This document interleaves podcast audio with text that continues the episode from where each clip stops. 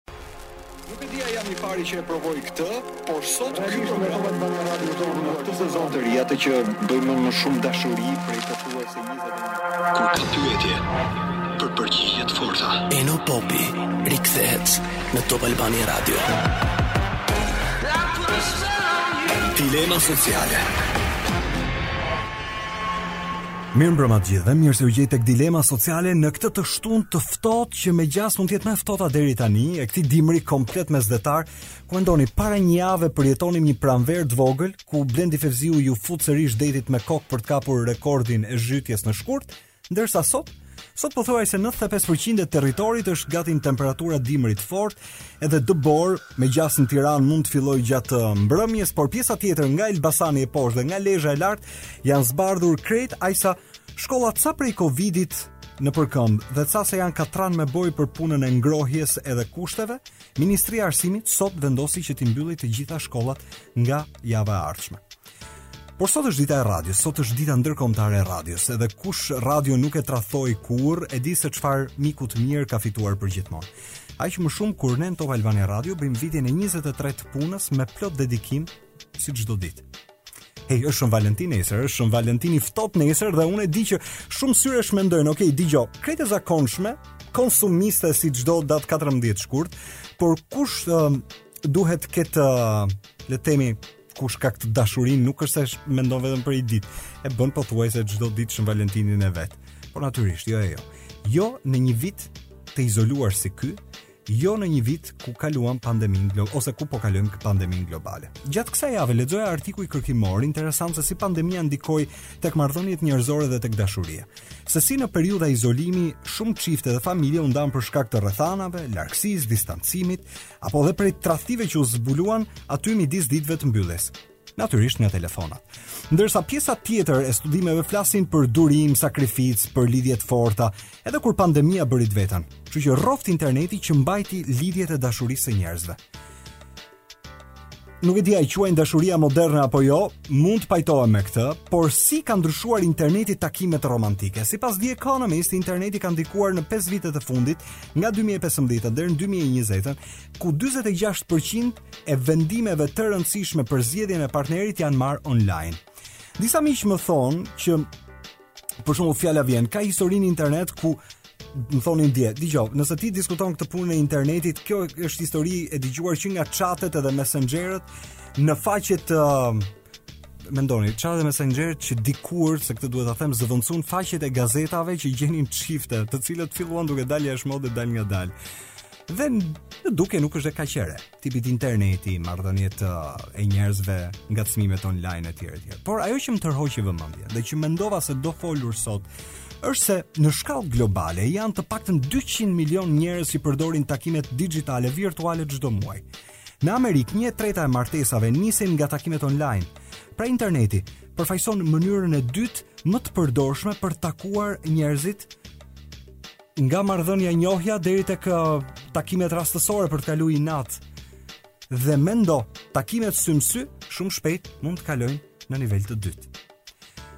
Ok, si unë që kam mbyllur gjimnazin tek Ismail Qemali, edhe koha kur njohja me fërshëllim ishte krejt e zakonshme përpara se uh, sot ta nisësh me një follow dhe follow back, më bëri që ta vendos këtë gjë në diskutim. Duket si dilemë sociale për marrëdhënien, po aq sociale dhe njerëzore. Shumë thonë që e gjitha do të përfundojë te kontakti fizik, nuk ka ku shkon, njerëzit do takohen në një moment. Por të tjerë mendojnë se ashtu si nis online, po aq ashtu përfundon online me një bllok dhe një unfollow marrëdhënie, duke treguar se njohjet online janë kaq të shkurtra, të shpejta dhe punë mbaruara ose jo.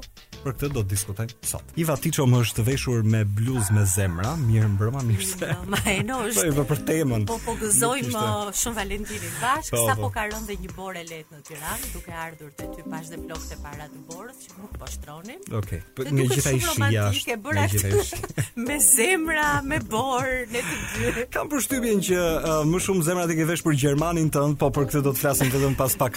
Ëm ehm, um, e di pse po qeshja përpara, domethënë un um, anonçova Jessie J dhe më kapi automatikisht një e qeshur sepse si kombinohen gjërat. Kur Jessie J vjen në Shqipëri, edhe një prej batutave në rrjetet sociale e lë Iva Tiço, ku thotë ore ky Eno Popi që kanë nxjerr këtë foton me Ema Qazimin. Pse kaq shumë po gëzon, pse po gëzon kaq shumë Eno Popi që ka intervistë me Ema Qazimin. Kur në fakt ishte Jessie J unë e mora vesh pas 24 orë. Flokët kaçurrela ty të orienton po, po, po. tek Po, po, po, më shkoi mendja te një imazh i njohur, pasi unë kam një lidhje shumë të keqe me imazhet, por kam lidhje të mirë me fjalën dhe me zërat. E po. njëja kam kam shumë gafa të tilla, nuk njëja sa jo, të nuk e ishte, por jua çova një vajzave në revistë një kopertinë dhe thashë shikoni këta të Kozmos kanë nxjerr një totalisht të panjohur, uh -huh. vetëm sepse është pak mbi peshë dhe duket cool. Vetë ty thanë dëgjose. A të kujtuan se unë po tallesha apo më shihni në sy? Okej. E Iva mirëmbrëma mirë se erdhe në radio. Uh, ka ca gjëra që un uh, mund të të rekomandoj ti mos hiq dorë kurrë nga gatimi.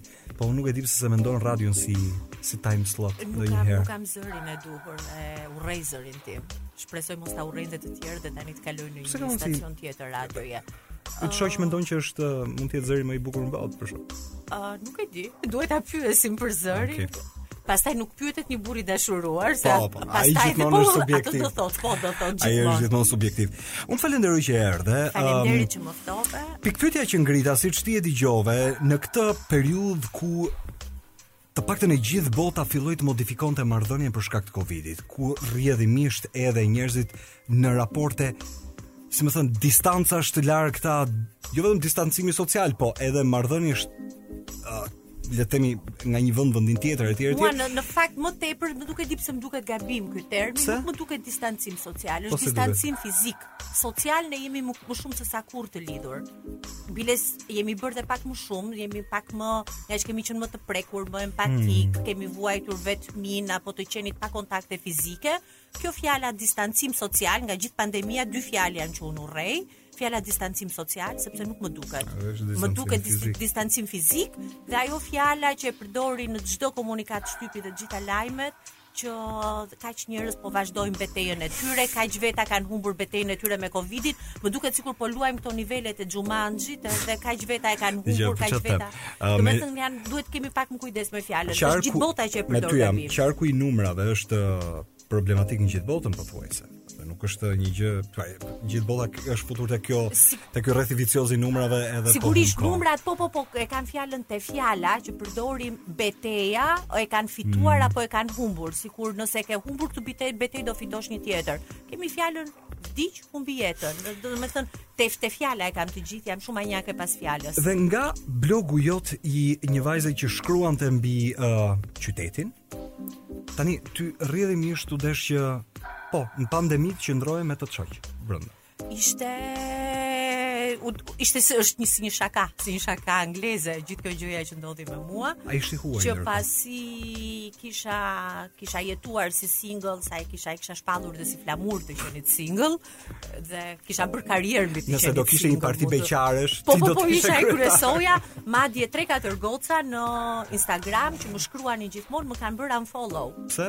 Sepse janë ndier të tradhtuara që nuk jam më single, sepse më identifikoheshin me mua, më donin dhe u ndien shumë të zhgënjyera edhe nuk më shohin dot me sy për këtë gjë. Ti nuk ishe nga këto të përbetuarat për shembull që O nuk e kisha thënë asnjëherë që isha e përbetuar, po, kisha thënë që unë jetoj single dhe jam single dhe do vazhdoj të jem single derisa të gjej të duhurin. Nuk do nuk do përshtatem apo nuk do nuk do them po askujt për për për aq kohë sa kur duhet, por kur të dua. Kjo ishte kjo ka qenë ideja, nuk duhet ato që thonë njerëzit, jo një burrë dhe aq, një burrë këto shprehjet e, e gjysheve mund të mund të citoj pastaj një, u sa shumë mund të citoj nga ato shprehjet. Domethënë kam qenë gjithmonë kundër asaj idesë shqiptare që vajza ka një rrugë nuk është vetëm shqiptare, ka qenë e përbotshme, por në Shqipëri vazhdoi pak më gjatë, që vajza lind në derën e huaj dhe shkon në derën e saj, që është dera e burrit, më duket e tmerrshme.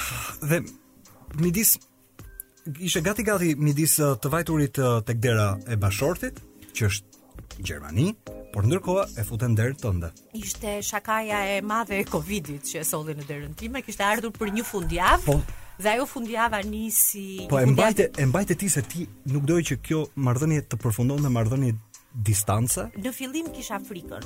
Mos harrojmë që në marsin e kaluar, tani dim pak më shumë për pandeminë, tani mm. situata është shumë e keqe, por tani nuk kemi aq shumë frikë sa kishim në mars. Në mars ishte një frikë nga e panjohura që ishte më e madhe. Tani kemi frikë virusin. Atëherë kishim dhe të panjohurën dhe virusin dhe shumë gjëra të tjera.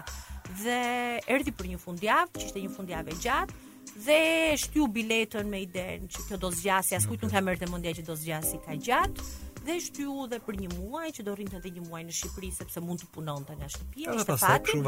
Dhe tani mbushim një vit që është në shtëpinë time. Dëgjo, po kjo është shembulli ideal. Domethënë një burrë i dashuruar nuk i braktis gjërat. Domethënë rri aty. Është e vërtetë dhe këtë iu them dhe këtë i ah. kam thënë vetes më përpara që kur të kur të vijë i duhuri ti nuk bën asgjë. E kam ditur gjithmonë këtë gjë, që nuk bën, nuk sforcon asgjë. Po pse s'e kisha thënë këtyre beqarëve të tjerë? Ua kisha thënë, por nuk më besojnë. Tani më besojnë. Tani thonë, "Ok, tani do presim, nuk do kemi më ankth." Sepse un kam pasur gjithë kohës atë lloj qetësie që e transmetoja që gjëja e duhur ta gjen vetë derën. Dhe është e vërtetë kjo, që ti nuk bën asgjë, nuk sforcohesh, nuk del nga vetja, kjo për mua është shumë e rëndësishme dhe gjërat shkojnë Shkojnë sikur keni qenë gjithmonë bashkë dhe shkojnë në vendin e duhur. Shëve, unë ty të njoh nga Mendo më erdhi dhe një pandemi që t'i çonte po, po. në vendin e duhur. Dhe universi luan në një mënyrë të jashtëzakonshme. Unë ty të njoh nga marrëdhënie uh, marrëdhënie pune, më së shumti edhe uh, marrëdhënie brenda rrethit, ë, profesionistëve, po ë um, duke të lexuar, nuk është se ti e ke bërtitur vazhdimisht këtë që marrëdhënien ta krijosh se s'bën, përfshirë dhe si më thon mundësitë që interneti ofron. Ë, uh, shiko. Të eksplorojmë hapësira dhe të gjejmë sa më shumë njerëz online. Herë pas here kam thënë dhe me shaka, për online jo dhe aq sepse online-it un deri vonë nuk i kam besuar. nuk i kam besuar, madje Tinderit i kam pasur edhe një lloj frike, kam pas edhe një lloj frike, por kjo nuk është për shkak Kjo është më shumë ngaqë jam person i mm. njohur. Po të isha ndoshta vajzë e panjohur, emër i panjohur nuk do ta kisha kaq frikë. Okay. Duke qenë emër i njohur, e kam e kam e kam atë grackën edhe për të kthyer përgjigje në inbox, I kthej të gjithë gocave, por nuk i kthej kurrë çunave. Mund t'u kem kthyer përgjigje në inbox gjatë gjithë jetës time 3 ose 4 herë, po duhet të ketë qenë një mesazh me të vërtetë shumë cool që mua më ka tërheq vëmendjen për t'i për t'i kthyer një përgjigje mbrapsht. Gocave dhe grave iu kthej të gjithave përgjigje. Është një lloj frike, por në rastin tim është pak e përligjur që është frika e të qenit e të qenit person publik. Ndoshta është kjo. Por me ndryshimin me kalimin e viteve, duke njohur shumë histori rrotull meje, unë vdes të pyes njerëzit ku jeni njohur ju të dy, ja, të dy, si jeni njohur, si ka vazhduar, si keni shkruar. Dhe shumë u besoj gjithmonë më tepër këtyre, biles ua kam mbushur mendjen dhe disa shoqeve të mia dhe them që duhet ta konsideroni, rrjeti social është si një kafene e madhe që tani është virtuale. si një kafene virtuale, dikur ju le të përdorim atë fjalën gjuajt, sado okay. që ne s'e kemi shumë qef, por dikur gjuanit nëpër gjuajt, klube, nëpër nëpër kafene, në palestër, tani pse jo dhe online. Okej. Okay. Gjithmonë pas lufte, gjithmonë pas lufte vjen dashuria. Batutat që po shkëmbenit tani po më thoshë Iva dëgjoje më të përmend si Iva që bën pilafin, por ndërkohë vetë i keni hyrë rozmarinës. Po po po, po është bërë pi, viral pilafi. Mirë, mirë, pra, se dashuria lidhet automatikisht si gatuan ti. Është e vërtetë, si gatuan ai pa. Është e vërtetë. Po pra se shumë nga ato gjërat po ta takosh ato i ka gatu dhe ai po. Unë i marr edhe të drejtat e autorit, bën dhe fotografitë. Ëm um, dating dhe marrëdhënia në periudhën digjitale, nga frustrimi tek shpërqendrimi tek xhelozia dhe duke parë se si përgjithësisht po ndërveprojnë jo vetëm amerikanët, po ky trendi global midis uh, njerëzve që mbajnë uh, telefonin në dorë edhe uh, mediave sociale për të cilat i përdorin, diku bashkohen. Nuk është një marrëdhënie kaq emocionale sa marrëdhënia fizike. Unë nuk e di nëse ty të rezulton kështu. Shiko varet, varet, e, kush e bën, varet kush e bën, varet çfarë thua ti, atë njeri që e bën atë e emocionon në fund të fundit. Ndoshta ty nga jashtë është një lloj sikur unë të të tregoj tani një mesazh që mua më pëlqen shumë dhe ti thua s'ka gjë. Ty të flet diçka tjetër, një mesazh tjetër. Jemi njerëz të ndryshëm, janë regjistra të ndryshëm të atyre që mendojnë. Mendoj që ata njerëz që e kanë e ndërtojnë marrëdhënien online me të tyren emocionohen. Ndoshta ne nuk ne të dy sot po të lexojmë çatin e tyre, po ajo goca që e bën kënaqet dhe për mua është bën shumë mirë që e bën. Dashuria dashuri është, sido që të jetë forma.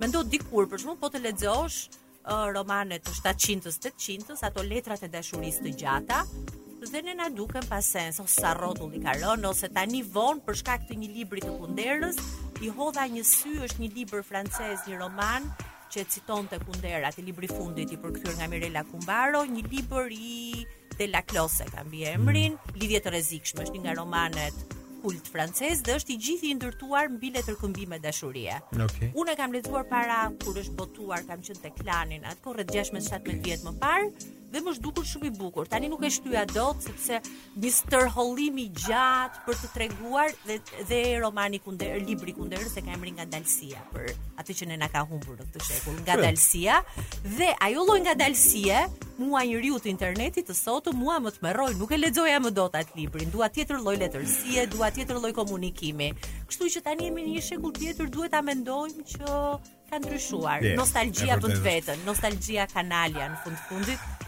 Uh, po lexoja çfarë ka ndodhur brenda pandemisë. Dhe ajo që më bëri përshtypje ishte që në periudhën e izolimit njerëzve brenda familjes, shumë zbuluan një marrëdhënie me dikë tjetër, po nëpërmjet telefonit se ai tradhtoi. E kundërta madje ndodhi kur uh, Lidhjet ishin sapo dhe dikush vendosi me dikë që të zhvillonte marrëdhënien. Rasti që ti më tregove rast personal ishte gati siç lexova referencat, gati si thikë me dy presa. Pra dikush o kuptonte që ka bërë shumë mirë, ose unë ajo që jam trembur gjithmonë marrëdhënieve dhe që kam thënë gjithmonë dhe që e mendoj akoma, mendoj që më shumë se sa distanca, Unë kam pasur gjithmonë frikë nga marrëdhënia nga përditshmëria. Ajo që mua më duket heroike në një martesë është pikërisht rutina. Rutinën unë e kam pasur, ne të dy e kemi se jemi dhe binjak si shenjë. Dhe ajo që e kam, ndoshta në këtë rast, jam shumë e sinqertë kur e them, në rastin tim ndoshta mua më ndihmoi fakti që isha akoma te mjalti, unë nuk kisha jetuar ndonjëherë, nuk e di si mund të kishte qenë Iva në këtë lidhje pas 5 vjetëve, pas 6 vjetëve, nëse pandemia do do na kishte qëlluar pas 6 vjetëve. Ajo që më duket ndonjëherë sa mirë që pandemia, virusi ndodhi tani është që ndodhi pikërisht në kohën e rrjeteve sociale. Qartë. Sepse do më kishin munguar jashtëzakonisht shumë gjëra që uh, qoftë ato grupet e çatit që na mbanin mendtë në kokë apo videot e humorit që shkëmbenim me njëri tjetrin ishin shumë të rëndësishme. Nuk e di me Nokian e vjetër si mund të kisha bërë unë gjatë pandemisë. Ndoshta s'do kishe bërë asgjë, ai do kishe qenë më i qetë, ti do kishe qenë më i qetë. Ndoshta, ndoshta sepse e di një përqendrimi në marrëdhënie. Përqendrimi dhe herë pas here po na prish punë. Për të qenë e sinqertë po na prish punë dhe sidomos na prish punë sepse jemi dhe pak të ndryshëm nga njëri tjetri. Unë jam shumë komunikuese, jam gjithkohës e zënë. Edhe po mos e kem celularin në dorë është truri në 100 gjëra, partneri im është shumë më i qetë se sa unë komunikon me shumë pak njerëz. Shyqyr Zotit, jo, se mendo do do kishte dal flaka pallatit. Këtë mendoj. Por Zoti i bashkon ndonjëherë ata që duhet, jo ata që nuk duhet. Por pandemia në këtë rast në shumë në shumë çifte mendoj që më shumë ka prishur punë tek ata që kanë qenë në një shtëpi se sa ata që kanë qenë distant. ajo distanca edhe fakti që ti je i ndar nga halli i ka ruajtur dhe ta ka bërë më të dashur atë personin. Kurse ajo jetesa ngjitur ngjitur në një shtëpi me hapësira më të vogla, mos harro mund tani se ne harrojmë sa keq kemi qenë para dhe them tani që u bënë këto orare të reja të mbylljes mm. tash të paktën të na lënë le t'i mbyllin dhe kafenet dhe dyqanet të paktën të na lënë të shëtisim. Po. Ajo që mua më duket më e tmerrshme është që un vjet kam humbur pranverën, jam futur në shtëpi në 12 mars, dhe kam dalë në 12 maj, kam shkuar te parukiera që ishte pak më gjatë. Kam humbur pranverën, kam humbur gjethet, kam humbur zogjtë, kam humbur çdo lloj gjëje dhe i kam parë nga balkoni. Uh, un si natyrë, ti më njeh, nuk kam një kuriozitet shumë të madh, por nuk e di pse. Po po na ndaluan aty na hipën kurioziteti. Ngasja, duke dëgjuar, më shtyn thjesht për të kuptuar që diferencialisht ju nuk jeni jo të jashtëzakonshëm raport me të tjerët, jeni po aq të zakonshëm në jetën që bëni. Për çka grindeni më shumë? Uh, unë dhe partneri. Po grindemi për telefonin tim sigurisht. Natyrisht jo ti dhe fitova, qeni. Fitova kohë. po sigurisht për celularin tim, për celularin tim. Se bie gjithë kohës. Ë uh, nuk bie sepse kam hequr çdo lloj zileje prej po, shumë vitesh.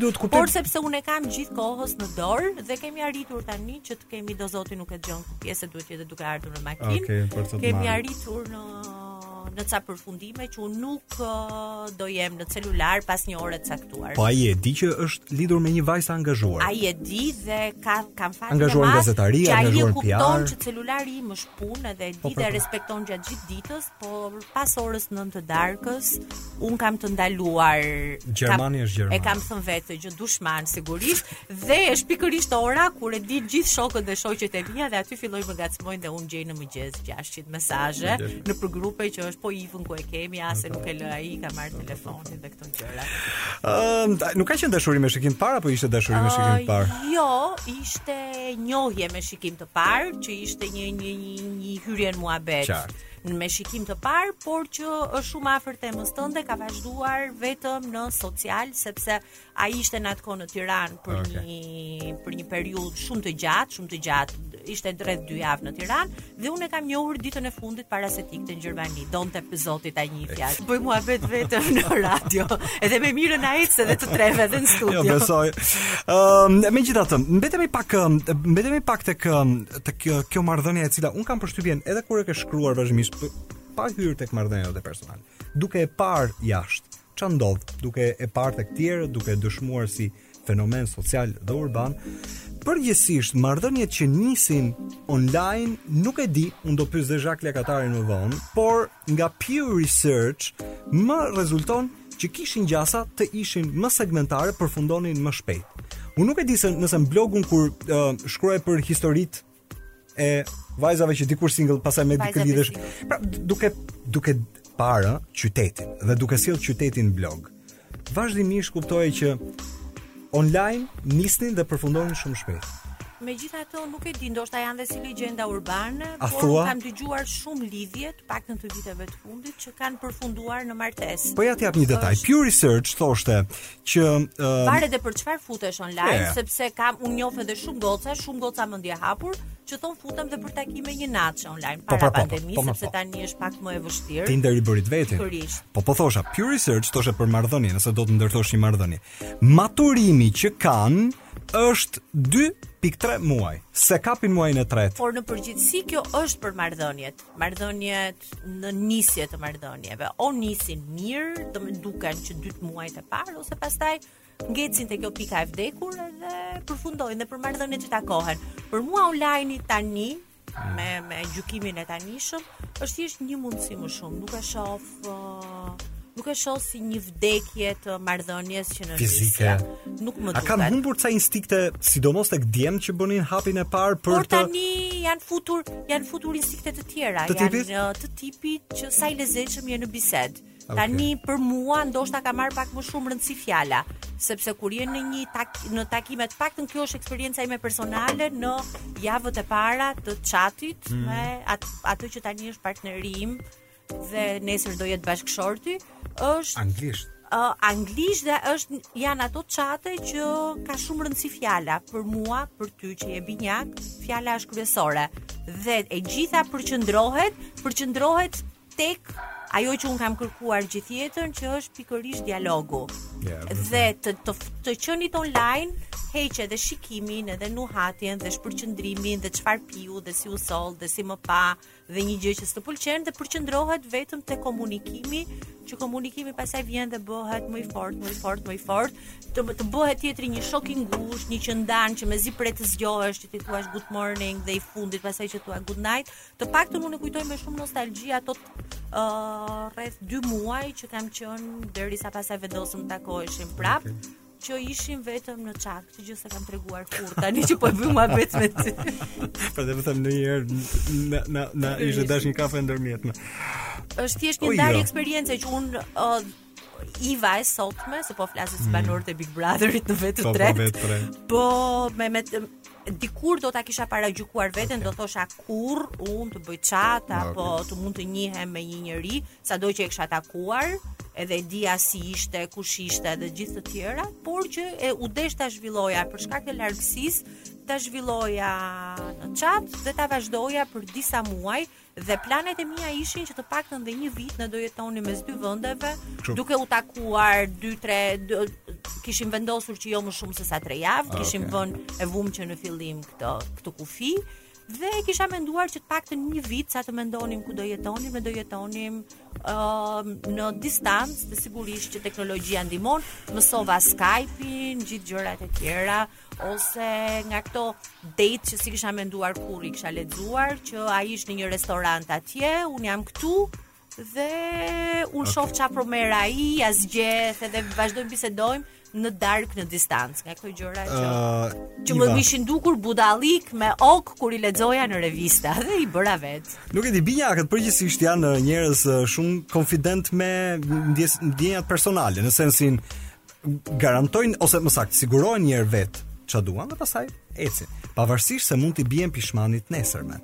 Si njerëz, por ndërkohë gjejnë 100 justifikime për atë që bëra mirë, kisha të drejtë, nuk nuk janë nga ato që pendohen. Dëgjo, si bisedë shoqesh që është, unë do ta mbyll po, um, më tregon dikush para ca kohësh, ta dëgjoj. Ai tha, unë i shkova me qen, me gjithë qenin me vete. Dhe ai nuk e di, pati një lloj kështu stepje dhe tha dëgjo unë të dua, po të dua pa qen. I thashë jo, o, ne do rrim të tre, bashkëjetojmë unë ti qeni ose s'ka. Dhe befas diku nuk komunikuan më se njohjen e kishin pasur po aq rastësore.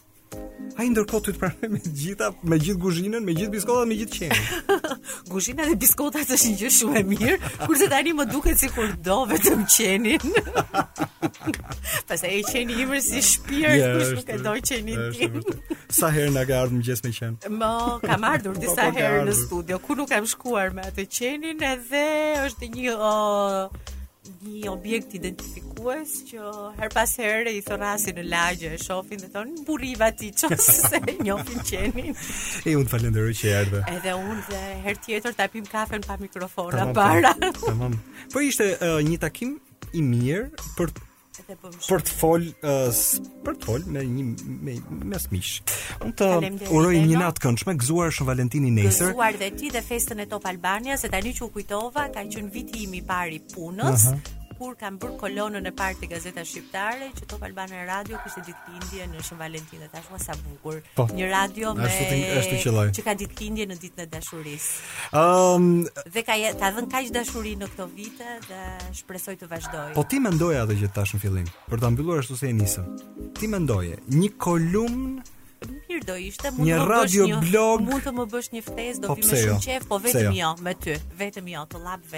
Jo, nuk jam gati. Do ta mendoj. Dilema sociale në Top Albania Radio. Mbrëma dhe një herë të gjithëve, kjo është pjesa e dytë e dilemës sociale. Çfarë programi sot është? Program që e shohim dashurinë në diskutim urban, diskutimin e zakonshëm. Qasjen që i kemi dhënë që prej fillimit është në këtë periudhën e pandemisë edhe mbylljeve, si u transformua sidomos marrëdhënia Marrëdhënia me njëri tjetrin, marrëdhënia e dashurisë aty midis. Dhe po aq kur ndikimi i internetit ishte elementi që mbajti lidhjet për çfarëdo. Përfshirë dhe marrëdhëniet e dashurisë. Kur të gjithë thonë se dashuria moderne ndryshoi nëpërmjet internetit takimet romantike dhe ajo që gjithmonë është një pikëpyetje është nëse shumë shpejt virtualiteti do të zëvendësojë dhe do të çojë në plan të dytë apo do të vendosë në vend të dytë marrëdhënien fizike, Ha, që më ka ardhur në studio Zhak Lekatari Zhak, mirë se erdhe Mirë se të gjeta. A dhe mirë bëre që erdhe pak më herët Sepse unë kisha dakorduar që do kisha në telefon Arjan Konomi po. Por, përgjigja që më ka kthyer është të falenderoj shumë Më ke kap në një regjistrim Jam në regjistrim Dhe thashë me vete, ok, presim deri sa t'i shkojë regjistrimi, ose t'i mërë registrimi. Ka më shumë madhe dhe për Arjani. Po, po patjetër. Arjani është personalitet, ka... E lëmë uh, faktin që sot e shohim te Përputhen, po kap. Jo, edhe aty e ndjek, me thënë të Jo, patjetër, patjetër. Ajo që po thosha për Arjanin është uh, unë si gazetar, nga që nuk e po. kam memorien e vogël, le të shkurtër në raport me kolegët, është një prej kontributorëve të revistës gjeopolitike Limes, uh, nga të parët në Shqipëri që shkruante mbi Ballkanin dhe qasjet gjeopolitike. Këtë që... dhe unë, që është një nga të parët që i ka prezentuar Shqipërinë. Kështu po, që... Po, nuk e dija, Nuk është vetëm në konsulta dashurie çka është tek përputhen, kështu që ka logjikë okay. është aty. Zhaku do më afrohesh pak, jemi pa. Po. jemi në rregull tani Dank. Okej. Okay. Faleminderit që erdhe në radio. Faleminderit që më ftove, është një super kënaqësi e madhe për mua. Uh, do të vendos përpara disa fakt checkeve. Ëm um, Pew Research në Shtetet e Bashkuara të Amerikës thotë se midis 2015-ës dhe 2020-ës. Ë uh, gati uh, 40 e sa përqind e njerëzve në një anketim gati global janë tani të prirur që hapin e tyre të parë ta bëjnë virtualisht. Dhe pjesa tjetër pastaj mbeten tek marrëdhënia fizike. Qoftë edhe tek tërheqja e vëmendjes, qoftë edhe tek hapi i parë me një prezantim etj etj. Por, në nënvizimin që bënte Pew Research për këtë ishte që në fakt kjo po ndryshon shumë shpejt dhe ata nuk jepnin as më shumë se vetëm 9 vite kohë. Viti 2030, ata thoshin që gjithë bota tani do të shkojë drejt njohjes online. Uh, është e besueshme, është e vërtetë, i kam parë edhe unë statistikat, sidomos uh, këto që ka filluar menjëherë mbas pandemisë për të kuptuar se si kanë reaguar njerëzit. Mendoj që është normale sepse uh, ne gjithmonë në ato bisedat uh, e përditshme themi e teknologjia, kush e di se si do bëhet, do do do do do bëhemi njësh me teknologjinë. Mm. Më duket që ajo ka ndodhur që tani uh, interneti, teknologjia nuk janë vetëm një mjet pune, janë në përditshmërinë tonë, i përdorim për t'u argëtuar, për të marrë informacione, për të mbaruar punë, për të punuar, edhe për t'u njohur. Tani, sidomos ne që jetojmë në metropol, flas për Shqipërinë, por edhe ata që jetojnë në vende shumë më të zhvilluara se sa ne, çdo gjë e kryejnë online. Kështu që është normale që edhe në raporte uh, më personale, njohja e parë mund të ndodhë edhe online. Zhaku, por nëse njohja e parë ndodh online, mm -hmm. online Anonimati prevalon.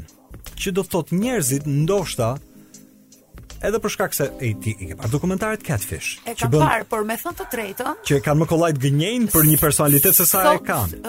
Unë ndjek disa uh, personalitete yeah. në botë që bëjnë punën që bëj mm. unë. Dhe sot po shihja që kishin uh, nxjerrë kishin publikuar një libërth me të gjitha aplikacionet të cilat të mbrojnë ty gjatë kohës që ti bën sexting.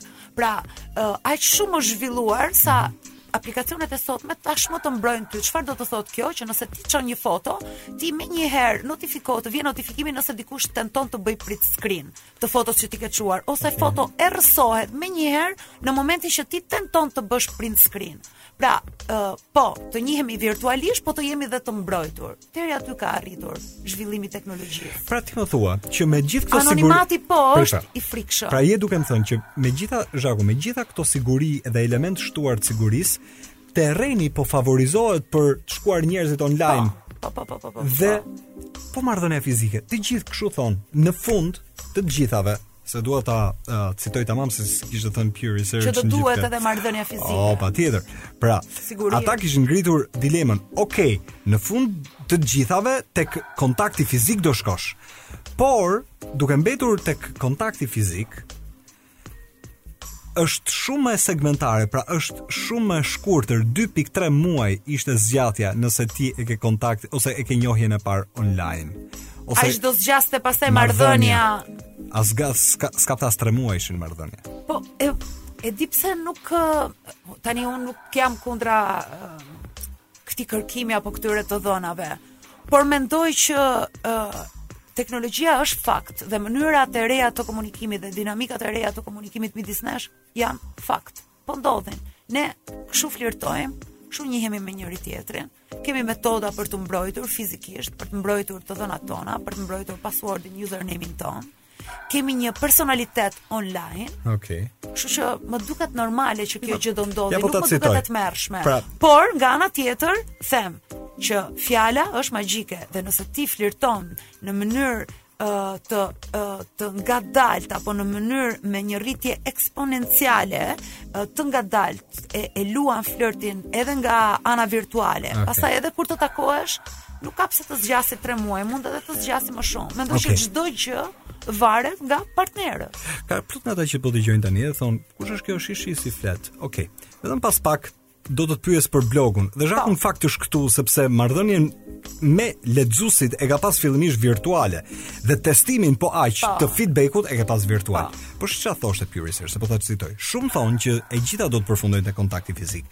Por të tjerë mendojnë se ashtu siç nis online, po ashtu dhe mbaron me një bllok apo unfollow marrëdhënia, duke treguar se njohjet online janë të shkurtra, të shpejta, nëse janë punëmbaruara, këtë do të ma thuash vetëm pas pak. Do të rikthehemi pak tek ajo që diskutojmë. Se m'erdhi një mesazh më tha, dëgjo, për punëmbaruarit që uh, në një mënyrë apo në një tjetër e gjejnë mundësinë, qoftë online ose jo, mos e qaj hallin. Pra dikush ë gjen një mënyrë se si Shumë mirë, pse jo? Po pse jo? Ë, uh, siç po thoja edhe çfarë, ë, uh, unë në komunitetin tim të vogël jam munduar të bëj një lloj sondazhi për të kuptuar ore këta që më ndjekin mua. Okej. Ë, uh, u ka ndodhur edhe këtyre si në të gjithë botën që u u ka ikur dëshira për të pasur marrëdhënie, kanë qenë më të frikësuar, uh, që kanë pasur mosmarrëveshje gjatë qëndrimit bashkë, si ka ndikuar pandemia dhe periudha post pandemi tek ta. Si rezultoi? Dhe uh, nuk ishin rezultate si në sondazhet e tjera që kam parë në vende të tjera të botës apo në sondazhe botërore. Përqindja e atyre që kishin ndryshuar mënyrën e tyre të jetesës apo të përjetimit të dashurisë mm -hmm. ishte jashtëzakonisht shumë e vogël. Dhe sipas uh, mm -hmm. studimit apo analizës që i kam bërë unë komunitetit tim dhe sondazhit që unë kam organizuar, mendoj që kjo ka ndodhur për shkak të papërgjegjshmërisë dhe mungesës së informacionit. Okay. Pra, ndjekës që nuk janë frikësuar nga Covid-i, thjesht e kanë vazhduar jetën e tyre normalisht. Sepse unë dua të dal këtu. Po. Sepse që ta kuptosh ne në këtë program gjithmonë bëjmë ca kërkime pa se të flasim. Po. Do më thënë. Shumë mirë, ashtu duhet të jetë. Shumë mirë. BBC-a shkruan pa. tek The Life Project pa. se koronavirusi, 2 pika, si dating ka ndryshuar nëpërmjet koronavirus, si ndjehen njerëzit dhe pse është e ndryshme tani, pse do të jetë e ndryshme dhe më tutje. Sepse sipas BBC-së, jemi futur dhe duke cituar kërkuesit, në një rreth të mbyllur vicioz, ku ti më shumë potencialisht ruan shëndetin tënd, sesa vë ndjenjën përpara. Pra fjala vjen, unë të pëlqej ty po. po sikur ti të jesh i ikur me Covid Po sociologët e quajnë këtë epoka post-Covid Pra ti thua? Uh, po them që kjo mu, edhe mund të ndodhë, por në shoqëri individualiste, jo në shoqëri pluraliste, mm -hmm. jo në shoqëri si e jona, dhe do thuash ti cila është diferenca midis dy shoqërive, Shoqëritë individualiste më pëlqen ta përdor këtë shembull, thonë, ë uh, djali u martua. Mm. Shoqëria pluraliste si e jona shqiptare thotë, thotë që... e martuam djalin. Pra djali na përket neve ne.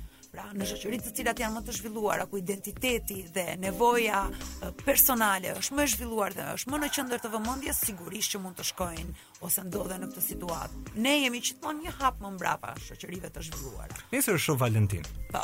Ty të rezulton nga uh, marrëdhënia që ke pas me uh, E kam bërë një sondazh dhe për Shën. Ja pikërisht për këtë po pyes. E kam bërë. E festojnë. Patjetër, patjetër, patjetër, mëse konsumiste është e gjitha. Po. Po të rrojë data 14, diku harxhohet, diku po. sa zemra kënaqen, po. industria e luleve bën namin, çokollatat hajt, e di e di këtë punë. Arusha po s'ka ngel. Pa. importim Kine me arusha. Kshu që rroftë Shën Valentini, po ajo që po thosha Zhak, është tjetër që ajo është duke ajo që doja të pyesja, është nëse më shumë marrëdhëniet mbahen dhe përdorin festat apo marrëdhëniet përgjithësisht nuk shohin data. E parimisht nuk duhet të shohim data, por marrëdhëniet ndihmohen edhe nga festa. Si rez, si rezulton pra?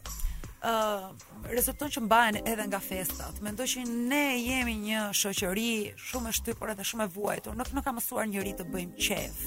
Nuk e di a dim vërtet të bëjmë qejf. A kemi bërë ndonjëherë qejf nëse kthej kokën për të parë evolucionin e shqiptarëve si u bëmë ne shqiptarët. Dhe kështu që mendoj që gjithmonë i përdorim këto festat edhe konsumiste si një arsye për të festuar. Nga njëra anë, unë them, Shën Valentini, një festë vetëm që të shtin të harxhosh para, ndërkohë që në të vërtetë parimisht duhet të jetë Shën Valentin përditë. Nga ana tjetër them, po pse jo? Nëse këta njerëz kanë dëshirë ta festojnë edhe një herë në vit, gjejnë mundësi për të qëndruar me njëri-tjetrin, le ta bëjnë. Mendoj që janë të dyja, nuk është, domethënë për çështje shoqërore nuk mund të flitet me absolutizëm, sepse shoqëria është shumë dinamike, është në ndryshim të vazhdueshëm. Dhe Gjëja më e rëndësishme Eno, ne këtu në në Shqipëri nuk kemi statistika, nuk kemi statistika për pothuajse asgjë. Nëse në Itali ne dimë sa uh, pomodorini ha një italian në vit, uh -huh. ne këtu nuk ja, kemi statistika. Mirë, mirë, është e vërtetë. Është shumë e vështirë të flasim. Është e vërtetë, ne vërtet e kemi një. Ose me nuhati ose me këto statistika të vogla ose ja. sondazhe të vogla që bëjnë. Është e vërtetë. Kush uh, është në gazetari e di që ne vërtet kemi një institut statistikash, vërtet këtu të dhënat shkojnë drejt gjërave që prekin nga politika deri te ekonomia, po, po gjëra të tilla shoqërore sociale me interes shoqëror po. gjëra të cilat prekin sjelljen tonë të përditshme urbane i ke shumë pak po, shumë po, pak sepse ne themi gjithmonë o oh, sa halle të tjera kemi ne ajo që pyes unë veten po pse ne nuk i përballim dot gjithë këto halle njëkohësisht secili departament hallin e vet dhe vetë Easy. Okej. O Zhaku, si të uh, kjo është pyetja e fundit para se të kalojmë në publicitet, po si të rezulton kush ka më shumë iniciativë tani? Dikur thoshin që djemtë edhe për galantësi bëjnë hapin e parë, se s'bën. Unë mendoj që vazhdojnë të jenë. Jo, mua më del ndryshe. A e di ti që sipas Po ku, ku janë këto statistika në Shqipëri? Uh, jo, pra jo, pra jo. Ah. Jo, jo, pra jo. jo. Jo. Se kush do t'i bënte statistikat në Shqipëri? INSTAT-i, që kush e thotë fjalën e parë. Atëherë në botë po, vajzat e hedhin, e hedhin. Është shumë e vërtetë. Në vendet nordike, vajzat bëjnë, kanë diferencën. 64% janë ato të parat që shkojnë dhe kërkojnë dashurinë tek. A mund të them një histori për Tinderin në Australi? Po, më thuaj. Ë, një vajzë australiane që thoshte kam vendosur që djemtë në Tinder t'i zgjedh gjithmonë me emrin e njëjtë, që kur të takohem me ta, të paktën mos ngatërrohem. dhe unë kam një disa vite që dal me vetëm, të një vetëm me Eno. Pra vetëm me Timin, vetëm me Eno. me Eno. Okej. Okay. Sa herë që takonte, takonte vetëm Eno. Do të thotë deri aty ka arritur. Sa shanse ka që, diferenca që kulturore?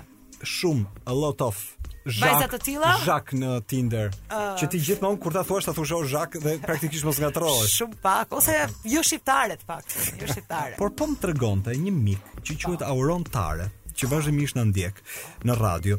Se që e përshëndesim, e përshëndes edhe unë. Kam përshtypjen që edhe Auroni na na ndjek vazhdimisht, po ajo që më sjell si mesazh, më thotë vetëm koha ka evoluar. Interneti mund të ketë ndryshuar disi metodologjinë e marrëdhënies me dikë që ti nuk e njeh. A ka parë ose jo, oh. lërt.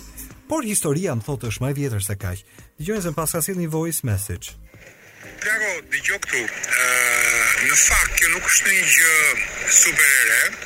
Mund të të them shumë shkurt se është shumë e bukur, po te një nga ato gocave britanike që ishte pjesë e kësaj Bletchley Park, ka qenë kjo qendra e spionazhit anglez që përgjonte telekomunikacionin enigmës gjermane dhe një nga këto gocat si thua shoqëronte gjithmonë një radistë që dilte diku nga veriu i Francës, gjerman dhe ai edhe her pas here kjo ia ia thyente kodin pra lexonte ato që shkruante dhe ai përveç mesazheve zyrtare që dërgonte i dërgonte dhe të dashurës së tij gjermane i dërgonte mesazh me enigma dhe kjo i lexonte dhe dalëngadalë dalëngadalë pas nja nji kohe dhe shumë të gjatë që e e si thua e përgjonte këtë gjermanin filloi dhe në një farë mënyre e zhvilloi një marrëdhënie romantike me kokën e saj dhe ra në dashuri dhe mbas luftës shkoi në këto kampet e të burgosurve gjermanë që të kërkonte këtë gjermanin dhe nuk e ka gjetur dhe është histori e vërtetë është shumë interesante kështu që Ka ndodhur gjithmonë kjo lloj dashurie në distancë, po se do imagjinare, ose për shembull ke Balzakun me atë rusen që i shkruante për gati dy vjet, rusen misterioze, të cilën Balzaku pastaj u nis edhe e kërkonte nëpër Rusi, edhe si përfundim u martua, kështu që kjo online thjesht ka shkurtuar kohën dhe hapësirën, po jo si thua këtë marrëdhënien virtuale. Në fakt Auroni nuk e ka keq. Jo. Se po ta shohësh nga një pikëpamje, dikur këto filmat me mesazhe në shishe. Po. Që fusje mesazhin në shishe dhe e hidhje. Edhe letra. Letra pra me mesazhin në shishe. Ku ishte kjo pjesa e marrëdhënies dashurisë etj etj, ti nuk e dije nga vinte edhe sa ta sillte bregu mesazhin në shishe pale sa vite kishin kaluar. Po marrëdhënia jote me japonezin paska qenë interesante. Është zhvilluar online. Po, rastësisht me një, ai nuk është japonez, është shqiptar thjesht që jeton atje. Ah. Dhe ne ashtu jemi njohur online për çështje pune. Po ti na s'ero migo. Dhe ka vazhduar kështu online virtualisht marrëdhënia për disa muaj derisa jemi takuar. Pra ne online jemi njohur me njëri tjetrin, kemi flirtuar online. A ka gjasa sipas um, atyre që ti di, që rrjedhimisht uh, kur njerëzit takohen fizikisht gjejnë disa gjëra të cilat në një lloj komoditeti që kanë pas online kanë qenë më të hapur. Ngërçi fillon pastaj në kontakt sy më sy. A mund të ndodh. Edhe mund të ndodhë sepse ti gjatë gjithë kohës që uh, ke biseduar me tjetrin dhe ke mesazhuar me tjetrin, ke krijuar një identitet në kokën tënde. Ke krijuar se si mund të jetë personi tjetër, se si mund të përgjigjet, se çfarë karakteri ka. E ke uh, jetësuar në fantazinë tënde dhe ndoshta kur e takon prej vërteti, mund të zhgënjehesh. Pra ke pritshmëri shumë më të larta se sa ato që gjen në të vërtetë. Dhe pastaj, uh, në çdo marrëdhënie, qoftë virtuale, mm -hmm. qoftë marrëdhënie fizike, qoftë flirt, qoftë takim i parë, është shumë e rëndësishme edhe ajo energjia, po edhe komunikimi që zhvillohet nga të dyja palët. Pra ngërçi mund të jetë edhe nëse e takon në mënyrë më klasike partnerin tjetër, por mund të jetë edhe kur fillon virtualisht, sepse ai fakti që nuk e ke përballë, ty të jep më shumë fuqi dhe më shumë ë uh, ë uh, trigger për t'u shprehur. Ndërkohë që përballë Të duhet një lloj tjetër vetëbesimi që ndoshta ti mund mos ta kesh. Pra, sigurisht që mund të ndodhë. Prandaj për rrjedhojë, se po dëgjoj me vëmendje, prandaj për rrjedhojë janë segmentare dhe të shkurtra, janë të destinuara të jenë të shkurtra se me zënkën e parë, siç thonë me shiun e parë befas u prish. Pra prishet marrëdhënia, të kuptojmë. E, e di pse edhe unë kshu e kam menduar që për shembull një marrëdhënie në distancë, okay. duke parë që um, ti nuk e konsumon përditshmërinë tënde me tjetrin dhe emocionalisht nuk e ke suportin e vërtetë të tjetrit. Se një herë nuk ja tregon çfarë ka ndodhur, një herë nuk ja tregon dot në detaje se ai nuk do kuptojë. Një herë nuk do ta mërzisësh. Kështu që partneri larg nuk është në përditshmërinë tënde, por nga ana tjetër, kjo gjë të ndihmon që mos ë uh, mos ta gjithë vrerin apo negativitetin mos ta sjellësh në marrëdhënien tënde, po të limosh, të mm. filtrosh mm. mendimet e tua dhe ta zhvillosh marrëdhënien. Auroni më trego uh, se si dikur njerëzit në një mënyrë apo në një tjetër gjenin uh, edhe me pak vetbesim shpirtin e tyre binjak në distancë. Por sot gjërat kanë ndryshuar. Uh, Distanca mund të Se humba fillin për çfarë? Jepi, më thuaj. Uh, kam vënë re që në Shqipëri, ndoshta nga që marrëdhëniet dashurore janë më obsesive, uh, më duket sikur marrëdhëniet në distancë funksionojnë më shumë. Ndoshta nga që ka më shumë kontroll, kanë kontroll çiftet me njëri tjetrin. Dhe kam filluar duke parë realitetin këtu, të kuptoj që marrëdhëniet në distancë janë realitet dhe marrëdhëniet në distancë janë të mundura se kanë edhe anët e tyre pozitive.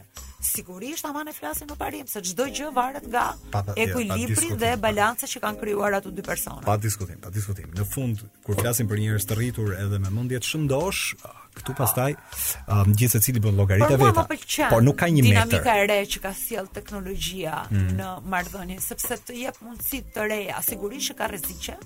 por nga ana tjetër të jep mundësi që ti të njihesh me një person që është komplet nga ana tjetër e planetit dhe të krijosh një marrëdhënie spirituale me të.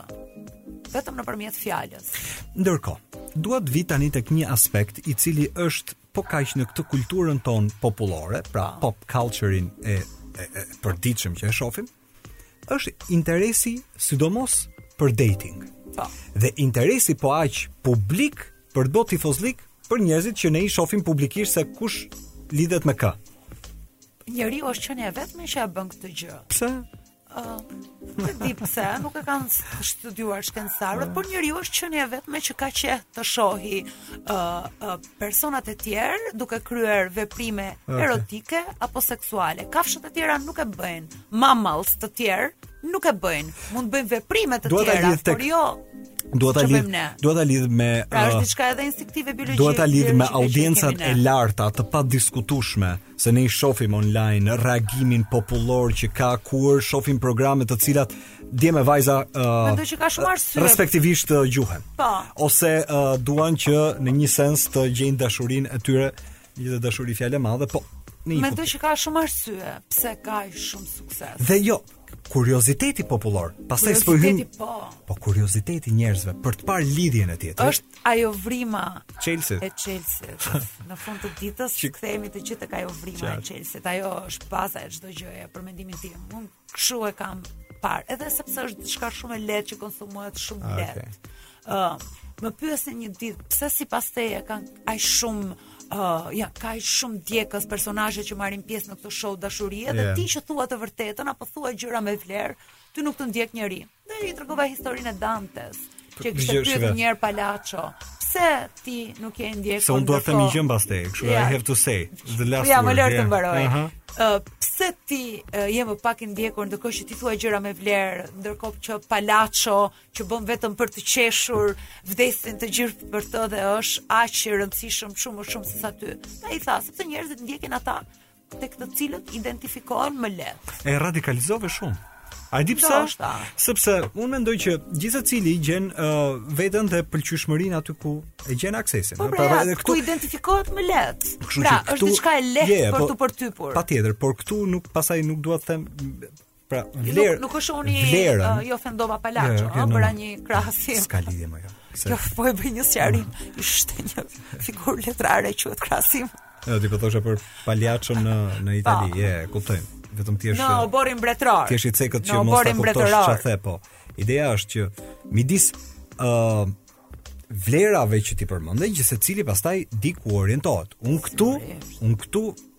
Thjesht po diskutoj kuriozitetin publik. Pra kisha vetëm në uh, në në në interes të kuptoja kuriozitetin e, e njerëzve për të parë jetën e tjetrit, për të parë historinë e tjetrit, për ta konsumuar, për ta përjetuar. Po, edhe dramën e tjetrit. Edhe dramën e tjetrit. Edhe dashurinë e tjetrit, edhe dëshpërimin, mizorinë, gënjeshtrat, mashtrimet, mm. i duam të gjitha. Se edhe se i refuzojmë prapë. Se është vrima e çelësit. Për mendimin tim, po, në fund të ditës po jo, është sepse është instinktive. Tre pyetje. Çfarë e mban një marrëdhënie në distancë të shëndoshë sipas teje? Pandemia i ndau njerëzit. Komunikimi dhe sinqeriteti. Okej. Okay. Dy, çfarë e mban po aq një marrëdhënie po këtu dhe jo detyrimisht të ndarë, por brenda një shtëpie, një familje, një marrëdhënie në çift. Komunikimi dhe sinqeriteti. Dhe e fundit. Nëse dikush bën hapin sepse praktikisht jeta sot është virtuale dhe njohjet janë online, nuk janë më tabu. Po. A do duhet t'i besojë kësaj? Sidomos zgjedhjes personale online? Jo. Unë mendoj që gjithmonë, gjithmonë sidomos online duhet të kemi shumë kujdes që të ruhemi, sepse ne nuk e dimë asnjëherë se kush është nga ana tjetër e ekranit. Është shumë e rëndësishme që të ruhemi nga ana fizikisht, veten tonë fizikisht dhe virtualisht. Dhe në qoftë se ne Ja. Ne jemi njohur me dikë, dhe kemi një marrëdhënie me dikë dhe uh, krijojmë një marrëdhënie uh, seksuale virtuale me atë person, okay. gjithsesi ne duhet të mos identifikohemi virtualisht. Zhak nesër është 14, po nesër është Fillimisht është ditëlindja e Top Albanias. Pastaj është Gëzuar 23 vjet, nesër 23 vjet, 23 vjet. Sapo dolëm edhe promo, një, një, një, është 20. Gëzuar Top Albania Radio. Është 23 vjetor, pastaj është Shën Valentini. Eh. Punë zemre është. Unë të falenderoj që erdhe Zhak në program. Unë të falenderoj që uh, më ftove. Okay. Erdha me shumë kënaqësi. Do të kisha dashur të na bashkohej edhe Ariani, po natyrisht ndikuar nga kohët që jetojmë. Jetojmë në një periudhë të izolimit dhe ndarjes për shkak të kufizimeve edhe mënyrës se si sot po e përjeton bota pandeminë, por nga ana tjetër, sidomos dominancës të jashtëzakonshme të teknologjisë dhe marrëdhënies online sot. Për ta mbyllur ashtu siç e nisëm, shumë thonë se e gjitha përfundon te kontakti fizik, por të tjerë mendojnë se ashtu si ndonjëherë nis marrëdhënia online, nuk ka rëndësi se si nis. Unë këtu do duhet ta prish këtë gjë. Mund të nisi dhe online. E rëndësishme është si ta mbajnë njerëzit marrëdhënien rrugës. Nesër është data 14, nesër është Shën Valentin. Por nesër është edhe ditë feste për ne në radio nesër ne kemi 23 vjetorin edhe në gjithë këtë fundjavë që ka qenë një fundjavë gëzimi për ne dashuri e zemrash ka pas muzikë të mirë, energji të mirë dhe shumë dashuri për të shpërndar nga radio. Ne kemi zgjedh një këngë të fundit që është e David Getës quhet Love Don't Let Me Go. Nga shumë gjëra mund të ikim, nga dashuria s'ikim dot natën e mirë gjithëve.